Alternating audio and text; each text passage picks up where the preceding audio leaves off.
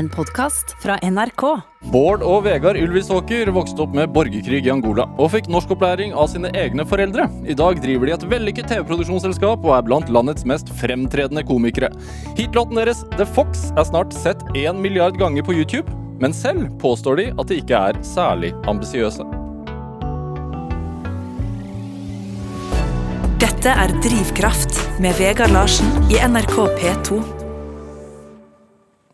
Bård Vegard Ulvisåker, hjertelig velkommen til Drivkraft. Tusen hjertelig takk. Tusen takk. Det er, det er en slags milepæl for meg, dette her. Jeg har aldri hatt to gjester i Drivkraft før, så jeg er spent på hvordan det skal gå sånn med å prate i munnen på hverandre. Men, men eh, hvordan har dere det?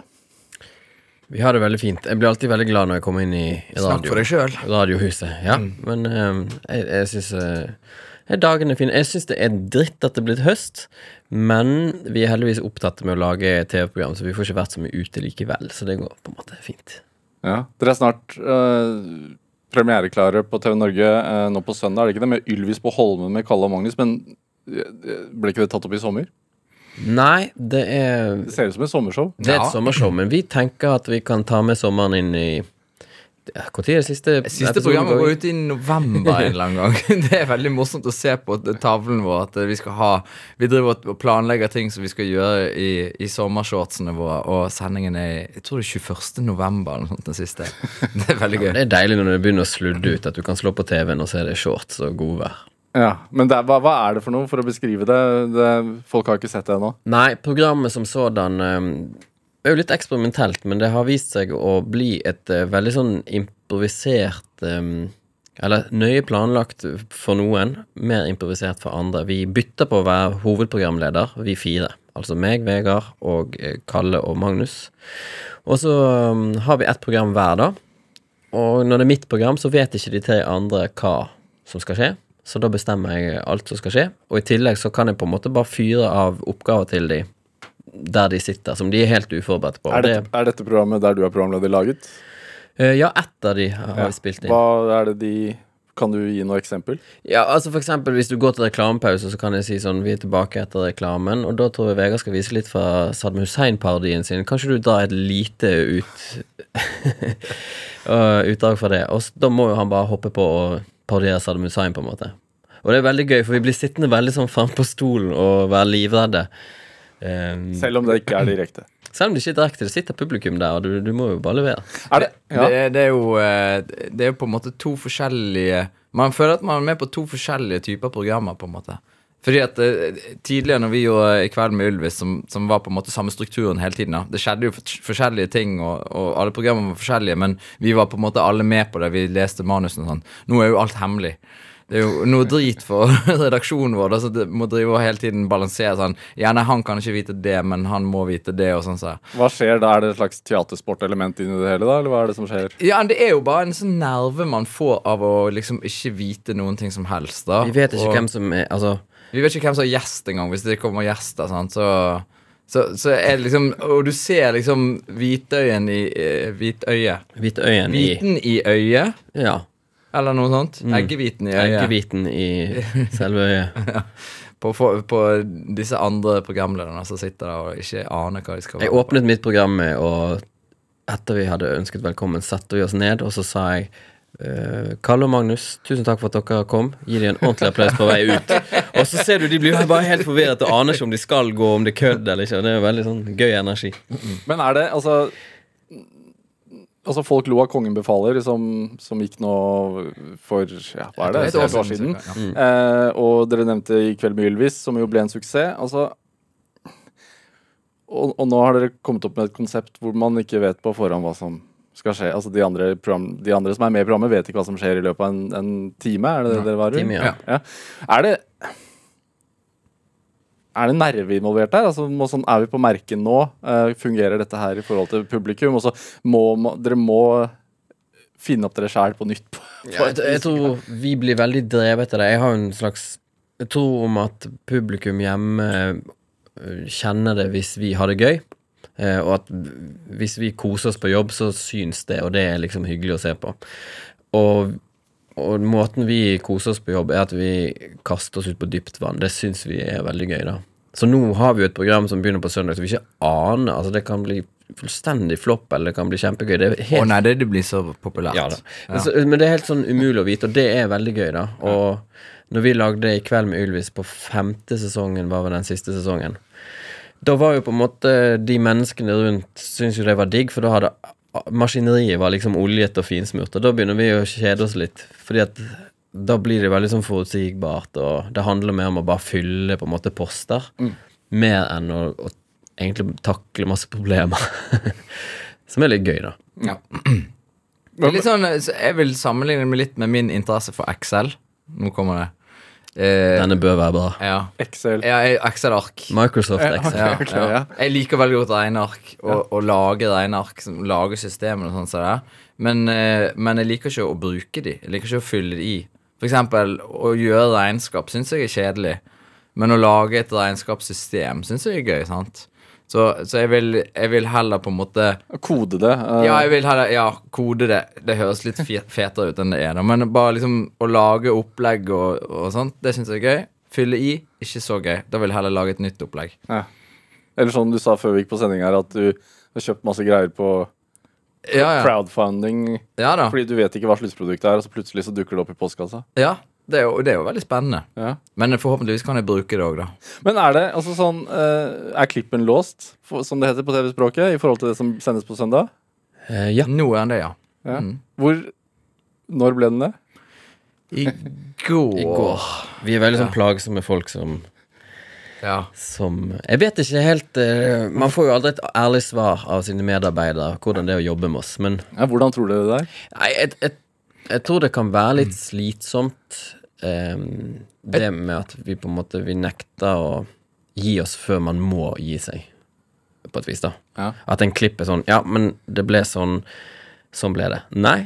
Det, det, kan fremdeles liksom Hvor mange varianter av søndag, søndagens program fins det? Uh, nei, det, det er ikke sånn kjempe vi har ikke, Man har ikke sånn kjempegod tid til det der, egentlig. Så det, det er litt sånn eh, Klippe litt, vise, komme med kommentarer, og så må det låses. Det er dessverre så dårlig tid. Eller dessverre. Det er jo egentlig bra at man Vi behandler det litt som et liveprogram, på en Ja. måte. Ja. Ja. Så det er ikke sånn at vi overproduserer masse og så klipper ned til bitte liten. Vi Vår, en av våre største laster er vel at vi er veldig pirkete på ting og kan sitte og jobbe med småting lenge og, og får veldig ofte høre det, iallfall hjemmefra. Sånn, 'Hvorfor jobber du med dette her? Det hørtes jo helt likt ut for fire timer siden.' Liksom. Som for eksempel Nei, når man driver på med musikk og sånn, så hører vi sånne småting sånn, som Man kan sikkert diskutere om det er vits i å, å plukke på det eller ikke. Nå har vi kommet i, et, eh, i en situasjon der vi eh, med denne produksjonen på grunn av, egentlig pga. koronagreiene, så fikk vi veldig dårlig tid til å, å ha preproduksjon på denne eh, greien. Så, så det er en del eh, beslutninger som må tas mye fortere enn vi vanligvis gjør det, og det er jo, er jo ganske digg, altså. Eh, sånn, Jeg snakket med han musikkprodusenten vår i går om noe vignettgreier, og vi litt sånn Ja, nei, vi må jo låse det i dag, og vi har ikke tid til å gjøre det. Så endte det med at jeg bare satt og gjorde noe greier sjøl, og jeg har ikke peiling på egentlig hva jeg gjør, men vi har ikke tid til å fikse det, så det blir sånn Ja, men det høres jo sikkert helt fint ut, da, så Men, fordi, men dere har, har jo et rykte på dere for å være perfeksjonister. Ja, det er det, og det er jo ganske digg nå å bli tvunget til å på en måte tenke bare at ja, ja, det var sånn det ble. Ja. Perfeksjonist er jo et ord som høres liksom udelt positivt ut. Det er jo ikke udelt positivt. Det er ikke alt det pirket som nødvendigvis er bra. Jeg syns ikke det er så udelt positivt, jeg. Nei.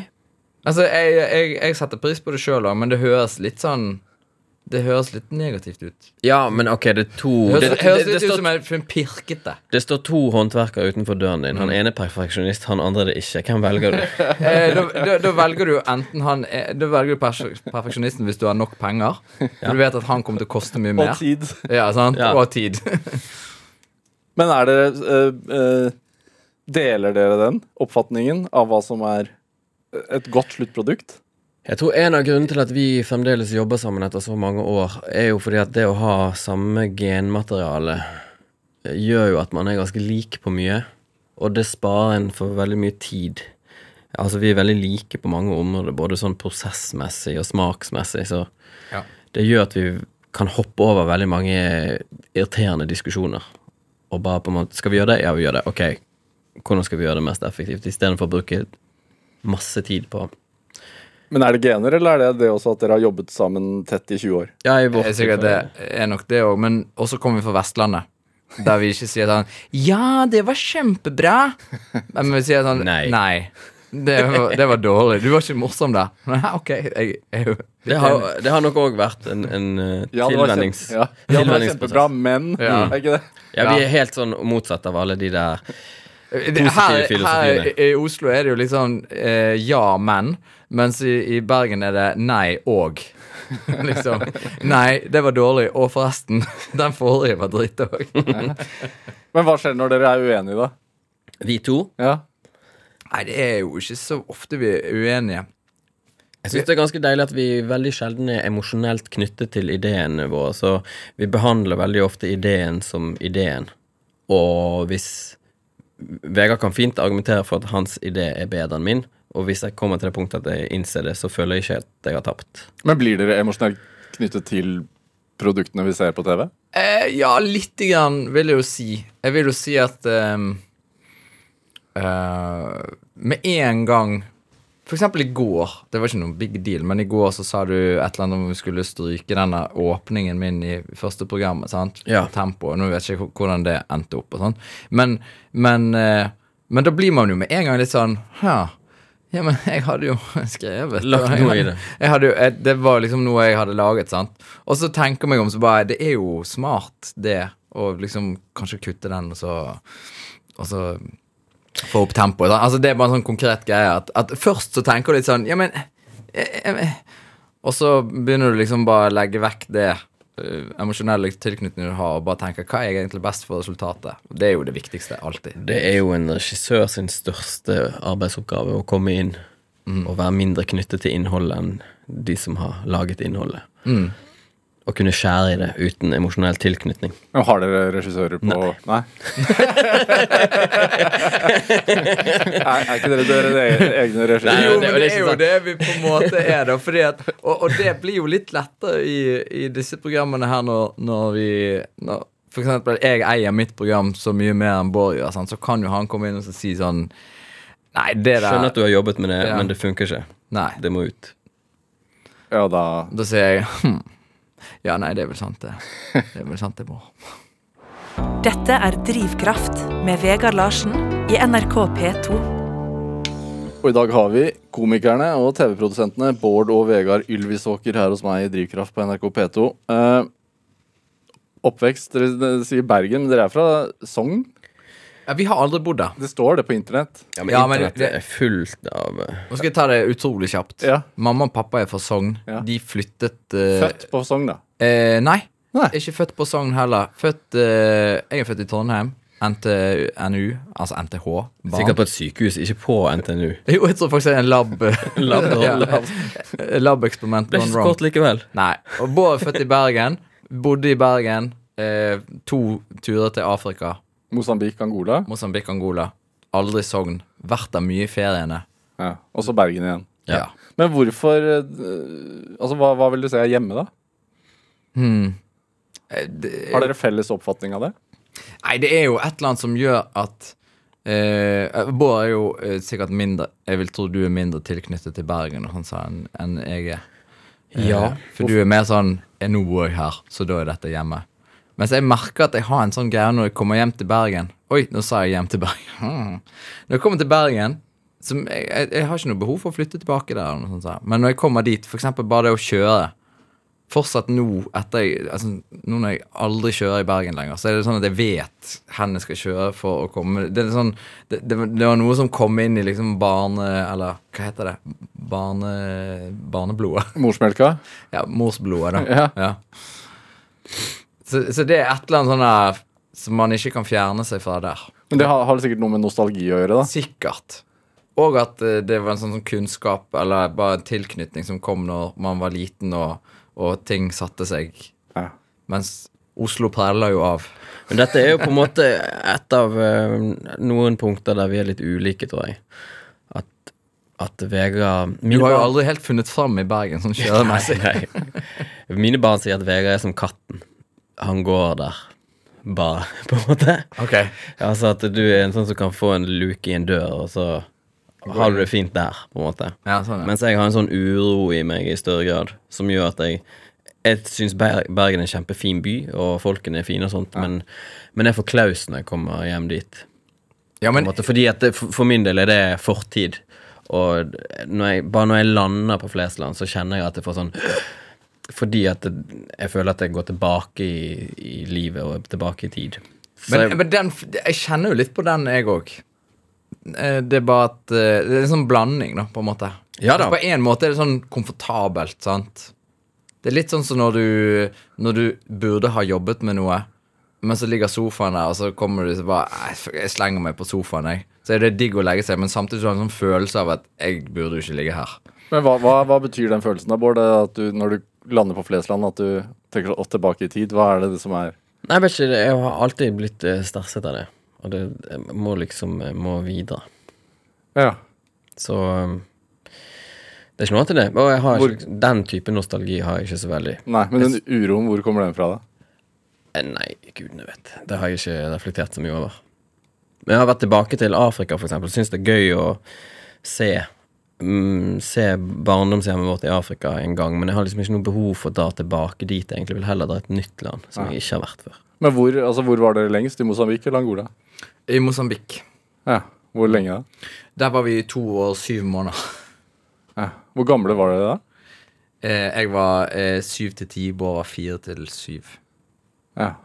Så du hadde jo så, Jeg har sterkere forhold til Angola, som var en seinere periode. Derfor Ja. var jeg så Vegard hadde jo et sterkere tilknytning til Bergen antakeligvis før dere reiste, da. Ja, det hadde jo sikkert, ja. Men er det, altså, eh, hvorfor drev moren og faren deres med denne reisingen? De var jo adventurous. Ja, De fleste tror at de var misjonærer, men eh, de er veldig lite religiøse av seg, noen av de. Min far jobbet under bistandsprosjektet bistandsprosjekt i kraft av Norad, så det var egentlig å få strøm på Afrika. Men han var ingeniør, Han er ingeniør. Ja. Så det er jo en oppgave stor nok, det. Ja. Så, um, så der, derfor var vi der nede. Og det var veldig eventyr, det, altså. Hva, hva, hva husker dere av det? Og det er veldig mye Uh... For det er jo sånn, det er en periode i livet hvor man virkelig uh, slår rot, da. Ja. Og sånne, så vi snakker om det og tilhørighet og hvor jeg er hjemme og sånn. Det er jo den perioden i livet kanskje hvor man liksom virkelig knytter eh, historier til liksom det treet i nabolaget, eller eh, de vennene som man har med seg. Jeg vet ikke, vi, vi har jo alltid kommet tilbake igjen til samme sted, da. Vi bodde på en måte i det huset i Bergen før vi reiste til Mosambik, og så tilbake igjen, bodde vi der igjen, og så reiste vi til Angola, og så bodde vi der igjen til jeg var liksom 20 Ja, 21. Ja. Så det er ikke sånn at vi har på en måte Vi er ikke sånne forsvarsbarn som har reist rundt i forskjellige baser i, i landet, liksom. Vi har på en måte alltid hatt hjemme å komme hjem til. Syns alltid det var digg å komme hjem igjen til Norge. Men uh, Jeg tror man ser veldig spor av uh, oppveksten i, i jobben vår. Hvis man Jeg husker det, jeg begynte å tenke over det. Vi var både sånn interessen for språk, vi var jo veldig eksponerte for språk og måtte jo lære språk. Og ha godt språkøre, vil jeg jo si. I hvert fall musikaliteten rundt det. Ja, men vi måtte sikkert utvikle det litt, da, på en måte. Jeg husker vi måtte lære portugisisk. Vi hadde det litt på skolen, men mest lærte man det bare med å gå ut i gaten og måtte si ting til folk, på en måte. Så um, der har vi noen sånne interesser. Og så hadde vi noen VHS-kassetter som lå i det huset i Angola, som noen nordmenn som bodde før det, hadde lagt igjen. Og det var en Harald Heide Steen-video. best of. Best of. Nei, hvorfor i all verden? Nei, gudene vet. Og så var det Life of Brian. Ja, Det var folk som var opptatt av Og- dette der, da. Ja. Life of Brian og eh, hva han heter Weekend at Bernies. Bernies. Mm. Den har ikke gjort så inntrykk. Men, eh, men så hvis du ser liksom på det vi har laget opp gjennom, da, og kan se på en måte kødd med språk og karakterer fra eh, han her godeste Heide Steen, og så er det liksom absurditeten til Monty Python, så Og Weekend at Bernies òg, for det Ja, ja, Bernies for den del. Den Så er handler om For de som ikke har sett Wicken at Bernies, de andre det er kanskje kjent for nordmenn flest, men Weekend at Bernies handler jo om en, en fyr som stryker med, og så prøver de to kompisene å holde han i live. Ja. En- Sje- en helg. Sjefen deres eh, Ja. dør, så de må liksom opprettholde illusjonen om at han er levende. Ja.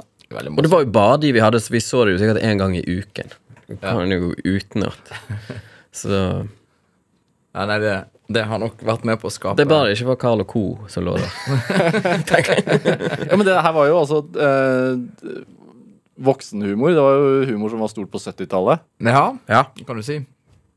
Eh, Ja, den filmen kom vel eh, det året jeg var født. Life of Brian kom Mm. på starten av 80-tallet, og, ja, og Harald Steini altså, Ja, ja. Men jeg husker jeg satte veldig pris på den absurditeten allerede i den alderen der. Mm. Og jeg husker veldig godt det øyeblikket når de romerne um, Ransaker huset. ransaker leiligheten til den gamle mannen for andre gang. For første gangen fant de ingenting, og så kommer de tilbake og sier det var ett sted vi ikke fant noe.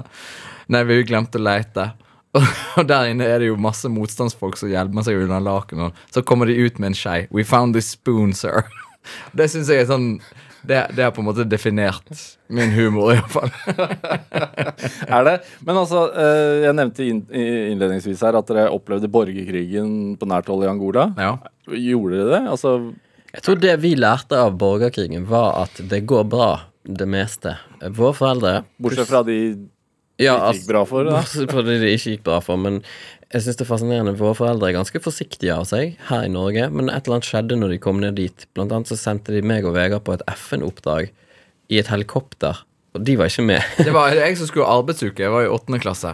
Ja, så jeg Hvor gammel var du da? Nei, jeg var 14. da. Ja, sant, Og jeg var 11. Og så er det sånn Bård og Vegard de skal få være med FN på et oppdrag i helikopter. Og inn i helikopter i borgerkrig og fløy ned og skulle fikse en sånn radio som var ødelagt og sånt. Og da tenker jeg sånn Ja ja, det går jo an å oppdra ungene så avslappet, på en måte. Ja. Det gikk jo fint. Ja, det gikk veldig fint. Det var jo helt fantastisk. Men jeg føler jo at det er noe som har fulgt dere også. Fordi mitt inntrykk er jo at dere har en sånn holdning at det er ikke så veldig farlig. Ja, Ja, jeg Jeg vil si at eh, vi har det jeg er veldig glad i ordet jaja. Ja. Ja. Det er veldig populært Det, hjemme. det er bare TV, det er bare et show. Ja. Ja da. Ikke sånn, på Jobbmessig er vel kanskje der vi er minst jaja, sånn innholdsmessig, men i forhold til Vi er jo veldig heldige med det at vi ikke har noen nerver, da. Jeg ser jo på kollegaene våre som sitter liksom før sending og er helt kjørt, liksom, og spyr og kaster opp og går på do og er helt sånn, mens vi har jo helt flat puls. Som Ingen, er, ingen av dere. ja, nei, Det er helt- det er nesten sånn sykelig, og det, det er ikke alltid det er bra. Ja, men til, på, I forhold til noe som helst? Nei, jeg får en slags sånn Hva skal man si? Jeg, jeg føler at jeg har en slags sånn eh, eh, rasjonell nervøsitet. Altså eh, litt sånn Håper jeg husker Håper jeg husker ting, og jeg har en sånn følelse av at jeg ikke Som jeg føler som ofte stemmer litt med at eh, For eksempel hvis det er en ting jeg skal gjøre som jeg, jeg, jeg tenker jeg kan For eksempel jeg skal komme inn her og snakke med deg, selv om dette er live. Så tenker jeg at ja, ja, jeg kommer nå bare hit og snakker. sant? Det er ikke noe jeg skal huske, eller noe sånt. sådär, Så derfor har jeg liksom null puls på det. Eh, hvis det er noe sånn store ting jeg må huske, så har, tenker jeg jo liksom sånn åh, håper jeg husker det. Hva med liksom eget bryllup og ikke noe puls? Jeg skulle til å si det, at det er jo sånn type konfirmasjon for en fam... Altså hvis det er liksom 16 stykker der. Konfirmasjonstale. Ja. altså for ens egne barn. Eh, Da svetter man i hånda. Tough crowd. ja, det er jo så heller 16 000 enn 16, liksom. Ja. Gange ting med tusen er vi veldig glad i. Funker alltid. Ja. Men er det, tror du det at Altså, da opplever man jo mye i ung alder og møter forskjellige typer mennesker. Mm. Er det Har det også preget måten dere jobber på? For dere har jo bygd karakterer og basert på observasjoner, da. Ja, litt, det er jo veldig vanskelig for oss å tenke hvordan det hadde vært hvis vi ikke hadde vært der nede, for det har vi jo ikke opplevd. Og på en måte var det jo veldig mange spesielle karakterer der, og vi ble òg veldig sånn eksponert for sånn voksensamvær, fordi at det, det var, Vi bodde jo litt beskyttet. Vi bodde jo innenfor en mur med bevæpnede vakter og sånt, og det var jo Der var det jo mest voksne nordmenn som satt bort med bassenget og Men det, Dere underholdt de voksne? Nei, det vet jeg ikke om vi gjorde. Men eh, Nei, men jeg tenker liksom at eh, det er nå bare å ta seg en tur opp på hyttefeltet vårt i Sogn der. Du finner jo ganske masse pussige skruer der òg, altså. Det, det er liksom man, man har liksom tendens til å tenke at liksom eh, vi møtte på så sykt mye rare mennesker fordi vi bodde i Afrika, men eh, Indre Sogn er ikke akkurat noen sånn eh, A4. Nei, A4 det heller. Men hvordan er det å flytte hjem igjen da, til, til Bergen og Fana? Nei, det Det var en akklimatisering der. Eh, Det, det var stygt, det som kom hjem, rent sånn motemessig. ja. Da, da lå vi ganske langt bak i tid, og har vel heller ikke foreldre som er så veldig opptatt av det, så det var mye rottehaler og bolebukser og du verden. ja. Jeg er jo nå gift med eh, en som jeg gikk i klasse med siden første klasse. Og hun, eh, hun minnes liksom, når vi kom hjem fra de Afrikaøktene, at ok Nå er det ny, Nå er det en ny, karanteneperiode. et nytt halvår med På en måte Nei, jeg var, og jeg var helt ute òg, bare sånn hvordan kommunisere med folk. Man blir veldig lite eksponert for jevnaldrende. Jeg, jeg hadde altså min klesstil Bård var liksom på boligbuksa og rottehale. Min klesstil var litt sånn hockeyhår. Eh, og så hadde jeg eh, joggesko med hvite tennissokker. Og så hadde jeg litt sånn bleike eh, dongeribukser. Så hadde jeg en hvit T-skjorte med kanskje noe sånn Levis eller sånn, sånn trykk på, som jeg hadde tøkket nedi. sant? Så jeg dratt buksen godt oppover Ja. Buksen skulle være høy. Ja, buksen skulle være høy. Og så hadde jeg en, en sånn ullcaps, grå ullcaps med norsk flagg på, med pins i. med OL-pins. OL? Ja. Den hadde jeg nede i Afrika og gikk rundt med. Under eh, en slags sånn eh, vitenskapelig Vegard, det er 40 grader ute. Nå ja, tar du ullcapsen. Altså Min teori var jo at hvis noe isolerer varmen inne, så eh, funker det like godt at det isolerer varmen ute. Så liksom, det var varmt ute, da kunne ullen Ja, isolere. ta på svarte klær. Ja, ja, ja. Steker. Men, jo, men altså, mange ville jo oppleve det å eh, Hvis man er, har vært lenge eh, i utlandet med en helt annen kultur, og så kommer man tilbake og skal prøve å høre til igjen, så vil det være en utfordring for mange. Mm. Var det det for dere, eller hadde dere en sånn trygghet i det at dere var to eller tre? Det er jo tre brødre. Ja, En blanding er nok Du vet, det blir jo, sant, det at man er brødre sånn, man blir jo liksom splittet med en gang man kommer inn i skolen, og du går i den klassen. Og jeg gikk på ungdomsskolen, Bård gikk på barneskolen, og Ja. sistemann gikk i, på barnehagen. Så. Men jeg er veldig glad for i ettertid det at når vi kom hjem, så var vi litt sånn merkelige. Alle andre hørte på liksom Følte dere dere selv merkelig? Ja, altså Jeg skjønte jo såpass at ok, de andre hører på Guns N' Roses og U2. Jeg hører på Arve Tellefsen. Eh, elsker Arve Tellefsen og ABBA. Og Ja. Så jeg skjønte jo at det var noe som var litt off, men det som var digg, var at vi allikevel hadde en sånn motbydelig selvtillit som gjorde at vi ikke på en måte ble opptatt av å like det samme som de andre. Så vi fortsatte liksom å kjøre på med det der greiene våre, og, og ble veldig sånn eksponert for veldig mange typer musikk. Ble veldig sånn, Når vi begynte å lage musikk sjøl sånn, på gutterom og sånt, så var det jo Hogg om og gjet. Ja, vi, det, vi, vi tok jo ikke gitar liksom og prøvde å hø, spille Red Hot Chili Peppers og sånne ting. Det, altså, alle de tingene er ting som jeg har på en måte oppdaget i voksen Hva, alder. hva prøvde du å spille, da? Nei, vi lagde, jeg, jeg lagde alt fra sånne TV-jingler til Vi lagde eh, en slags Sig Sigvard Dagsland-parodier og sånn. Det, var bare- det var litt sånn humor. Prøve å ligne på ting og, og samtidig prøve å gjøre det bra. Vi hørte på veldig mye forskjellig type musikk, og derfor så ble vi litt sånn opptatt av å kategorisere hva er det som gjør liksom jazz til jazz, og hva er det som gjør blues til blues. Ikke bevisst. Men Men derfor så angrep vi på en måte musikken med en slags humor, da. Fordi at hver gang vi fant noe som kjennetegnet en sjanger, så lo vi alltid veldig. Jeg husker at når mamma og pappa Min far hadde en saksofon som var sånn Den får dere ikke lov til å røre. Men selvfølgelig, hver gang de var ute av huset, så måtte vi jo spille på den saksofonen. Og da var det alltid sånn Vi og vi. Ja ja, ok, jeg spilte på saksofon, men det var Du alltid hadde jo sånn samme forhold til bilen òg, som 16-åring. Ja da. Men uh, dette er et annet type program. men da men, men jeg husker jeg, hva slags bil var det? Det var en Opel Corsa. Ja. Men altså, kjæresten min bodde veldig langt hjemmefra. Og det var Det er jo bare en rasjonell løsning. Skal Ja. jeg gå og følge henne hjem for at hun ikke skal bli liksom overfalt på natten, eller skal jeg kjøre henne hjem som en ekte gentleman? Og så er det liksom ok, tre år til jeg får lappen, men det gikk jo bra. Det gikk bra. Ja. Kunne gått ille. Men det jeg bare syns var gøy, var at når vi spilte sånn saks hver gang det hørtes ut som på en måte saksofon eller jazz eller sånn, så lo vi alltid. Vi syntes alltid det var så utrolig vittig. Og det har, Det vi liksom, jeg- det har vi beholdt, da. Det syns jeg jo på en måte er en logikk i. For det, hvis du ser på liksom Hvorfor ser man på Kristian Valen eller Gustav Nilsen? Fordi at de ligner Altså, de prøver jo å ligne på vedkommende Ja. som de parodierer, sant? og det syns vi er morsomt.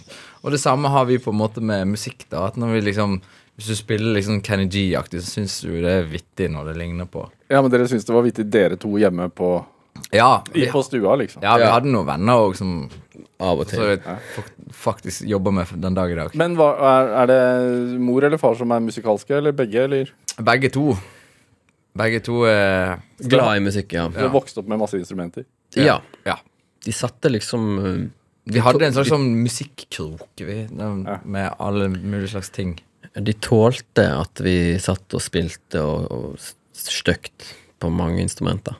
Det Men Hva spilte foreldrene dere deres da? Er de, altså, var de hobby, er de hobbymusikere, eller var det Ja, men Pappa er jo ganske flink til å spille gitar, og mamma spiller piano. Men så, de sang mye, da. Sang i kor. Ja. Vokalgrupper og sånt. Så, så de har alltid er det, Tror du det er genetisk musikalitet? Uh, Ja, jeg tror det er her og nå. Men eh, jeg vet ikke. Nei, det er jo noe med Selvfølgelig. Jeg ble jo altså, Noen synger jo fint, og noen synger jo ikke så fint, og det er jo en tyngre vei for de som ikke synger så fint. Og Det er jo litt sånn som meg og vår minste bror. sant? Jeg var jo førstemann, så jeg ble jo kurert noe voldsomt. sant? Jeg skulle jo Og dette var jo i slutten av 70-tallet òg.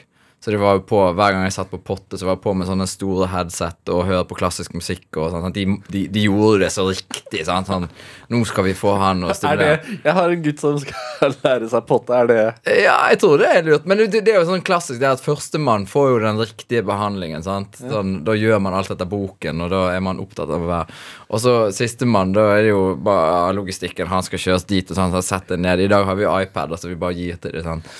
Eh, men han synger jo Han er jo like musikalsk, han. ja. Så jeg, jeg, jeg har liksom vanskelig for å tro at uh, det der har så mye å si. At det kanskje er litt mye genetikk inne i bildet. Hvor gammel er din sønn? Han er to år og et par måneder. Ja, Ja, det er Er ikke det riktig tidspunkt? Jo, jeg bare eh, eh, Altså, en gang Når jeg skulle lære min sønn å begynne å gå på do, Ja. da tenkte jeg at eh, jeg orker ikke de bleiegreiene. Ja, da, det er det jeg tenker. ja, og da leste jeg jo masse om det, at i Kina så, så kjører de Da slutter de bare med bleier sånn, og så eh, går det ille, og så går det bra. Så jeg satte han på do. Dette har jo ingenting med dette å gjøre, men jeg bare satte han på do, og når han var ni måneder, så sluttet han med bleie. Da sov han bare med bleie. Det var helt spesielt at det går an. Ja. Det var helt tilfeldig. Jeg bare tenkte jeg orker ikke, jeg orker ikke bleier. Så det er jo uh... For du bare satt, plassert Hvor lenge satt han på do av gangen, da? Jeg sånn, mener, han satt jo på potte såpass tidlig at det var nesten litt sånn uforsvarlig at han satt i det hele tatt. Ja, nei, men det, det som jeg gjorde, var at jeg satte meg Har vi tid til dette? Skal vi, Ja, ja. skal vi gå denne Vi veien skal her? gå denne veien. Altså, han Jeg lagde en rutine på at når han var ferdig å spise, så gikk vi opp på do, og så satt han, tok jeg liksom bare en bok og leste for han mens han satt på do. Eh, Potte, da. nei, en do Jeg satt bak. Ja. Du satt bak? Jeg satt bak, og så holdt det liksom han. Jeg hadde klær på, OK? Bare for the record. Han hadde ikke. Og så leste jeg bok, og da på, på en måte skjedde det som uh, skjedde. Og da vent, tror jeg han bare ventet til at ja, OK, det kan skje. Det er visst greit. Så det var din pappaperm? Det var min pappaperm. Så, sånn, ferdig. Det var en ganske lang bok. Det var jo 'Ringenes herre' eller et eller annet sånt. Ja, ja. Nei, men og, og liksom Det var jo et resultat av at jeg hadde ikke vært Jeg hadde vært på turné begge de to første barna. Så jeg hadde ikke tatt så mye av den der tidlige bleiefasen. Så min kone syntes det er veldig irriterende at når jeg endelig skulle stille opp, så brukte han jo ikke bleie. Så jeg slapp veldig billig unna. Men altså sånn Dere er ganske sånn teoretiske i forhold til altså, Mitt inntrykk når jeg har sett på hva dere har drevet med opp igjennom på, på fjernsynet, så dere leser mye og studerer mye. Ja, sånn, eh, sånn eh, jeg er Veldig glad i, eh, i eh, Mer internett. Sak, sakprosa, ja. Og Ja, sakprosa ja. enn bøker. Ja. Mm. Og bruker det aktivt i humoren deres. Eh, ja. Det er jo litt vanskelig av og til. Sånn romfartshumor. Vanskelig Vanskelig kapittel. Ja, nei, men vi er jo nerdete, ja. så det, det skinner vel kanskje gjennom det. Er det noe dere har arvet av farfar, eller er det som opp, oppfinner? Eh, det kan ja. si. Jeg har hatt, i hatt veldig sånn respekt for syns alltid det var utrolig kult, alt han fikk til. Ja da. Jeg tror nok det at eh, Og en far som ingeniør, så Ja. de, de, de, vi kommer liksom fra en sånn Det er et sånt uh, arnested med uh, lite religion og mye vitenskap. Ja. Og Kan man ha et sånt uh, Altså, hjelper det å ha et sånt syn på humor som fag? Ja, at man angriper det på en måte vitenskapelig. Ja, nesten. Ja og nei. Vi, vi teoretiserer jo ofte mye. Det kan ofte bli litt mye av å sitte og snakke om, altså meta, liksom, å snakke om humoren istedenfor på en måte bare lage ting som man føler er morsomt og sånn. Jeg syns jo egentlig i utgangspunktet så Jeg synes det er veldig irriterende med sånne komikere som sitter på en måte forhøyer faget til noe mer enn det er. For det handler jo bare om å få folk til å le. Og skli på bananskall er mer enn godt nok hvis du ler, eller en prompevits. Jo, men bare sånn for å liksom, oppsummere deres karriere sånn kjapt. Altså, sånn, dere du kom jo hjem fra, fra Afrika, eh, eh, Angola eller Mosambik hvor dere var sist, og så til Fana i Bergen, eh, og begynte der på skoleteater og kor og sånn. Ja, ja. Og så ble dere oppdaget av produsent Petter Brandt, Mhm.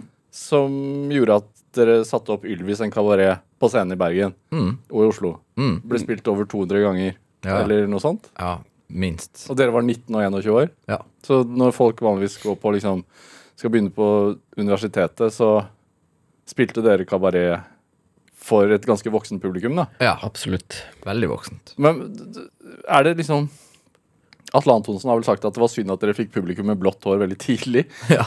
Eh, men er det en Tenkte dere sånn midt i karrieren her, eller etter sånn fem-seks år, at dere skulle redefinere dere? Absolutt. Vi hadde jo et, et sånt sånn vendepunkt. Vi, vi, vi hadde, I begynnelsen så var det sånn at vi, vi, vi ville ikke dele ut gjestebilletter til venner. og sånt. Vi drev og løy om at det var fullt, for vi ville ikke at folk skulle se hva, Hva var- vi, hva vi drev på med. og sånt. Hva var dere flaue for da? Nei, vi, bare, vi, vi følte liksom ikke vi ikke sto helt inne for innholdet som vi leverte, da. At vi var veldig sånn folkelige og Ja, det var veldig pin... Det lignet jo ikke på noen ting som folk på vår alder syntes var gøy. Som for eksempel? Nei, jeg vet da søren. Men altså, innen humor så var det vel kanskje liksom standup-tingene begynte å vokse fram, og Det var liksom Dagfinn Lyngbø og sånne type mennesker som, som var populære i vår, hos våre jevnaldringer. da. Men bare det å gå ut på teater Altså, det var jo aldri noe Vi, vi hadde jo aldri vært på teater før vi på en måte jobbet på et teater. Eh, og Er det sant? Ja. Det var liksom, Vi reiste på en liten sånn eh, Oslo-tur der vi liksom så fire forestillinger sånt. Bare sånne gamle sånn Dizzie-teater og sånn. Så. Og det var sånn OK, er det sånn du gjør? Så mm, ok, nei, men greit. Da får Vi vi, skape bare- et liv av dette her, da. Vi ble puttet veldig inn i det, og hadde jo null ambisjoner. Altså helt eh. Men vi syntes det var gøy, for vi drev jo liksom på med sånn Jeg syns jo det er flaut på en måte å si noe, men vi, vi holdt jo faktisk på litt sånn hjemme. Mm.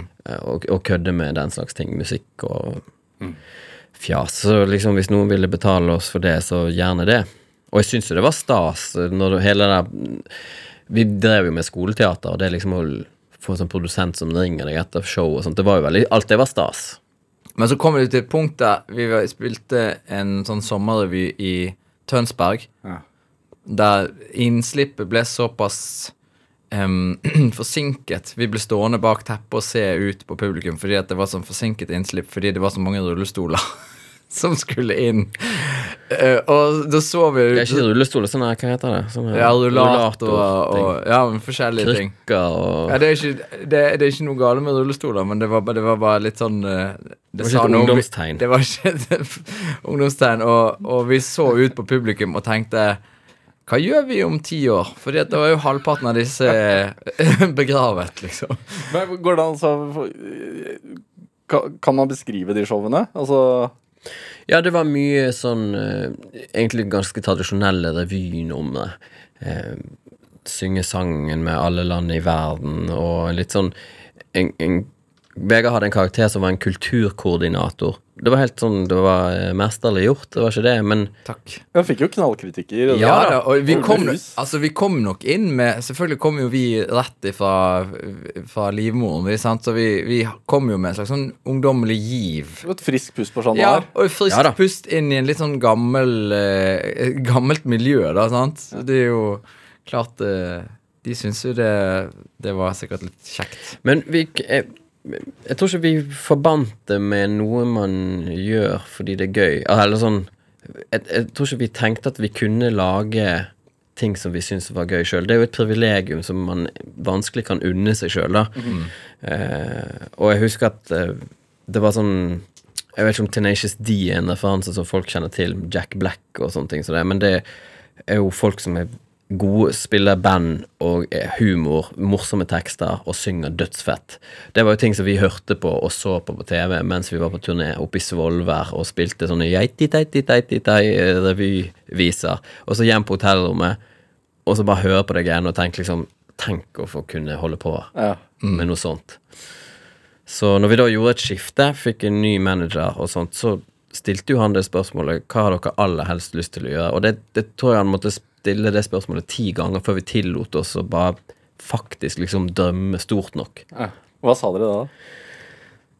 Eh, Jeg tror det var da vi begynte på P3.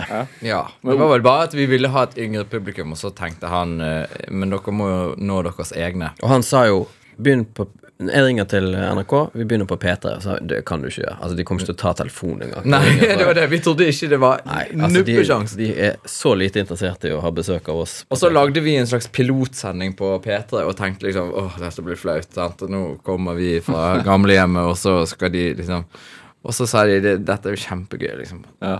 Inn på ungdomskanalen. Inn på ungdomskanalen. Det var jo i 20-åra. Eh, Jeg skal høre et klipp, tenkte jeg. Vi har faktisk det fra O-fag, som var programmet deres. Mm. Eh, som ja, vi- Vi spiller et minutt da, hvor dere skal synge uh, syngeringe mm. til et hotell i London.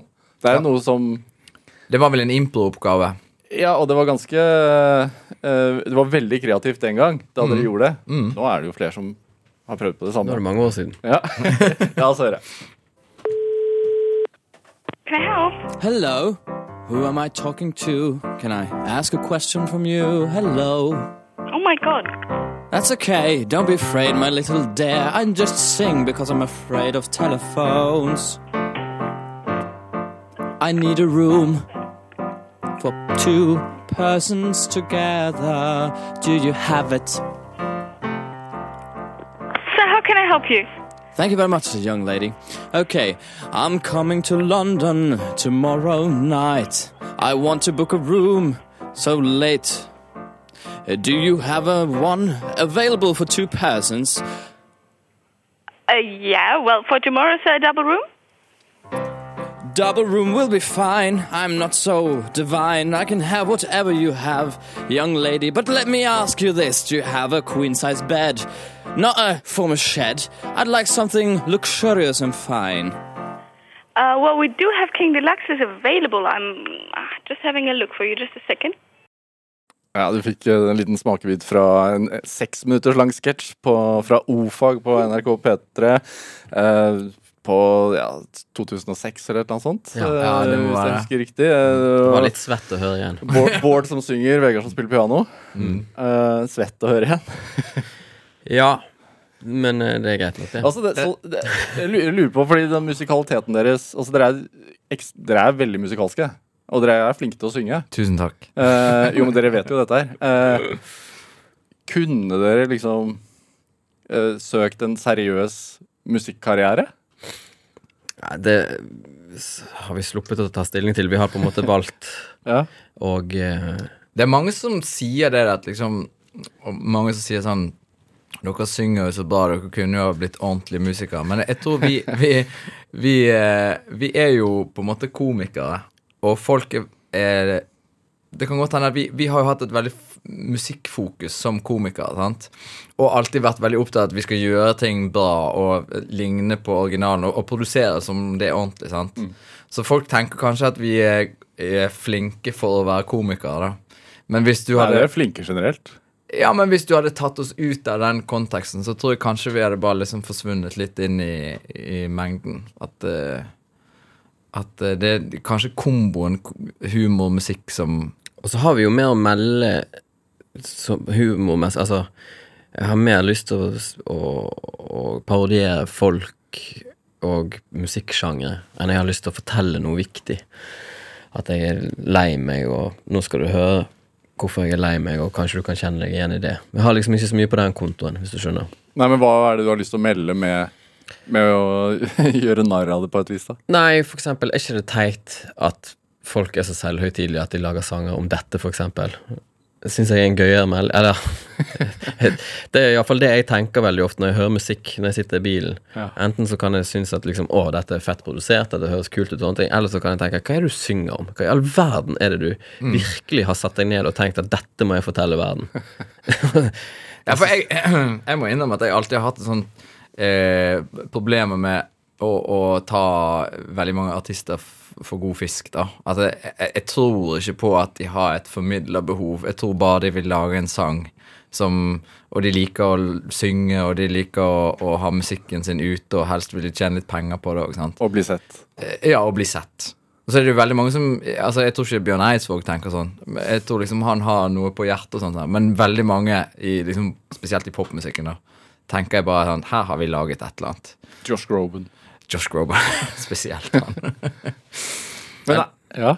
Nei, det er jo bare det. Det er jo eh, Man eh, sitter jo ofte bare og ratter med i, i bilen når man hører på musikk, men hvis man leser de tekstene, så blir man jo litt sånn Jaha. Ja vel. Dette er jo bare noe du har på en måte måttet skrive ned. Sånn at det skal passe til musikken. Ja, men, men sånn som det i forhold til det å bli sett, for jeg har jo en følelse av at dere gjør et uh, TV-program eller gjør et show, og så er dere borte. Og så gjør dere et nytt TV-program eh, eller et show. Dere dyrker på ingen måte uh, deres kjendisstatus, da. Nei, det har blitt lite av det. Er det bevisst? Er det overlagt? Det er jo liksom feil tid å være sånn i, på et vis. Ja, fordi man må være på sosiale Man må medier. være ute og sånn, men igjen, da. Vi er liksom da. ikke så glad i det der. Nei, har liksom ikke lyst til å skrike noe høyt hvis du ikke har noe å skrike. Legger ut en eller annen vits eller noe jeg syns er morsomt, eller forteller kanskje noe ifra uh, Ja. Men Misli holder veldig de følgerne vi Altså, ja. Jeg bare tenker på Jeg kjenner på meg sjøl, men jeg er jo en gammel mann, så jeg, jeg eh, har jo kanskje ikke de samme behovene og referansene som, som folk der ute, men jeg, jeg liker jo jeg, liker jo ikke å følge folk som maser for mye, da, tenker jeg. At da blir det litt sånn åh, nå muter vi, eller blokker, eller whatever. sant? Så jeg tenker jo man melder når man vil melde, mm. istedenfor å ha et sånn sykelig behov for å liksom holde alle oppdatert på sitt eget liv. Men er det ren underholdning som, som driver dere i forhold til det dere produserer, eller er det en Vi blir jo veldig drevet av å lage ting, da. Det er det vi syns er fett. Ikke nødvendigvis å, å Det er kjekt å utøve det, elsker å spille konserter og elsker alt det. eh, Men det handler liksom alltid om produktet på et eller annet vis. Så så um, Og så tenker jeg at skal man holde lenge Folk blir jo leie. Altså, jeg har jo veldig respekt for at, at det blir mye gnaging, og da er det bedre å være stille et år, og så komme tilbake. ja. Hvordan er det også? Dere driver jo et produksjonsselskap, eh, Concorde TV. Holdt på med det siden 2012. Eh, produseres jo, produserer jo hovedsakelig deres egne ting. Ja. Men dere tar jo inn folk også. Er det Mm. Dere ble jo oppdaget en gang i tiden. Tenker dere også sånn at dere liker tanken på å hjelpe opp andre? Ja Både ja og nei, for det, det er jo en Vi har veldig lyst til å gi muligheten, og nå, når, når det skjer, så er det veldig gøy. Men vi har vel òg innsett at uh, fremdeles er vårt primærfokus på vår egen eh, Vårt eget Våre egne prosjekter. Og det å liksom Skal du først ta inn noen, da, så må man jo følge de opp. Det er ikke så kult å bare gå rundt og si 'har du lyst til å lage et program', og så lykke til med det. Da har man jo lyst til å være litt på og, og sånt. Så det, det har jo bare med tid å gjøre, egentlig. Jeg tror på en måte pu- publikummet vårt, eller publikummet til hvilken som helst artist, fortjener jo at vedkommende eh, måtte vie all sin energi til å gjøre det så bra som mulig, og foredle seg sjøl så bra som mulig. Sant? At vi tenker egentlig på oss og at vi skal gjøre det bra. Så så lenge vi holder på å være utøvende, så er det liksom begrenset hvor mye kapasitet vi kan eh, ha til overs da, til å drive og snappe opp nye mennesker og hjelpe dem. Selvfølgelig gjør vi jo det, og, og, og kommer med det vi, vi har. Men ser, ser dere på dere selv som et slags band? Som liksom Nei, nå må vi Vi to? Ja, nå må vi gå sammen igjen og få ut en plate. Typ bare at det er Ja, på, eller, vi må ikke, men vi velger vel stadig å gjøre det, da. Jeg tror det er, det er veldig sånn aksept for Vi gjør jo noen sånne små prosjekter hver for oss, men og hvis Vegard kommer og sier Vet du hva, nå, jeg tror jeg har lyst til å lage et, et program sjøl nå, så er det litt sånn OK. Um, det er ikke noe Har ikke vært noe vondt eller vanskelig, det. Men, men jeg opplever jo stadig når vi jobber med andre, at litt som jeg sa i sted, at det er ganske mye tid spart på å, å jobbe i en konstellasjon som man vet funker. og sånt. Da. Det kan virke litt sånn traust, og det er jo bra med nytt blod og sånt, men vi får jo inn nye samarbeidspartnere, og det er liksom Ja. Det er jo viktig. Men den, Absolutt. denne hva, hva var det du Jeg husker ikke ordrett hva du sa tidligere, men du, kvalmende selvtillit, eller hva var det du sa? Ja. Selvtillit. Ja. Hvor kommer den fra? Nei, Kom fra Sogn. den kommer fra Sogn, og den har gitt seg litt. Eh, altså sånn eh, Vi var veldig sånn Og det tror jeg er bra, da. Det er bare ubehagelig for de rundt. Eh, jeg skulle ønske jeg hadde klart å gi mine barn like mye selvtillit som mine foreldre klarte å gi meg. For det er sånn Det er jo veldig godt å ha det sånn, selv om det er litt sånn krever litt sånn kalibrering. Men jeg tror at jeg syns at jeg var en super fyr, altså. Hvordan, hvordan ga dere ga de Det vet jeg. Jeg tror de var flinke å klappe i hendene og, og på en måte De ytret vel en mye begeistring for det vi holdt på med. Ja. Uh, Hadde hadde Alex Rosén her et annet drivkraft? Han sa at moren hans fortalte han hele oppveksten at han var best, best i verden. mm. Ja. Var det litt sånn? Ja, jeg, jeg tror iallfall jeg hadde følelsen av at uh, På en eller annen måte hadde jeg klart å formidle det, iallfall. Uh, så, så når jeg kom hjem, så tenkte jeg at jeg var en toppfyr. Ja. Hvordan, du, nevnte jo pottetreningen. Hvordan gjør man det med egne barn? Eh, Selvtillits... eh, Ja. Nei, det er vel en slags sånn uh, uforbeholden kjærlighet da man må formidle på et vis der. ja. Eh, Bare gi positiv feedback. Men jeg prøver å gi en del negativ feedback òg, for å trykke det litt igjen ned. Ja, men det er det, sant. Det sosiale vil jo at du på en måte sier til ungene dine at du skal dempe det litt. Må ikke stikke deg fram her, for det kan bli ubehagelig sosialt. Men blir man mindre selvsikker med alderen? Ja, det tror jeg. Noen blir vel det. Jeg har jo sett ja, bevis det på du det sa selv. At du, at du hadde mistet den en del. Nei, men jeg, jeg tror at eh, jeg eh, ble jo Jeg òg gikk jo fra å være en sånn eh, Jeg er nå sånn som jeg burde være, jeg. eh, på Jeg vet ikke, kanskje ungdomsskolen. eh, til å komme til gymnaset og tenke ja, ja, det er jo kanskje ikke alle som liker meg like bra. Kanskje jeg skal kaste frakken. Kanskje jeg må kaste frakken. Nei, men det var ikke nødvendigvis sånn at jeg hadde remediene til det, men iallfall få en sånn følelse av at ok, jeg er ikke perfekt. Ja, nei, for min, Selv om det er mange som mener det, da. At jeg er ja, for min del har det gått den veien, men det, man har vel sett beviser på motsatt. Vi hadde jo veldig dårlig selvtillit på vår, vår egen uh, yrkeskarriere. ja, Kanskje det var det som hjalp. Det, Ja. det, det med de å måtte spille for de gamle menneskene og Men samtidig, før det òg, altså vi, vi trodde jo ikke det var noen som Vi har jo vokst opp med en far som sa Som var veldig glad i musikk og sånn så men òg har en, en eh, akademisk bakgrunn. Og sier liksom det er bedre Hans favorittuttrykk var det er bedre å være kirurg og hobbymusiker enn å være musiker og hobbykirurg. Det var liksom hans mantra, da. Så, vi, så Derfor så søkte vi oss på skoler rundt omkring. Jeg skulle på medieteknikk og sånn, så, men så, så ble vi liksom kastet inn i dette her, og vi trodde jo ikke på noen som helst måte at, at vi hadde noe å komme med. Men du er pilot. Jeg er pilot, Ja. Men det er jo en minor det detail. bli. Det kan jo alle bli. Kunne engelsk og ha penger. Det er det. Ja. Men hva, altså, hva tenker dere er eh, Dere har holdt på i 20 år. Det er ganske utrolig. Ja. Uh, hva, hva, er, hva er det som er drivkraften til, til Ylvisåker-brødrene? Jeg tror det er å løse ting. ja. Vi er løsningsorientert. Og hvis ikke noen andre gir oss noe problem, så gir vi oss sjøl problemer som Ja. vi må komme oss ut av. Sånn som nå med det nye programmet. Ja. Ja. Vi blir veldig trigget av at ting er umulig. Og med det nye programmet nå, så har vi, hadde vi egentlig for dårlig tid.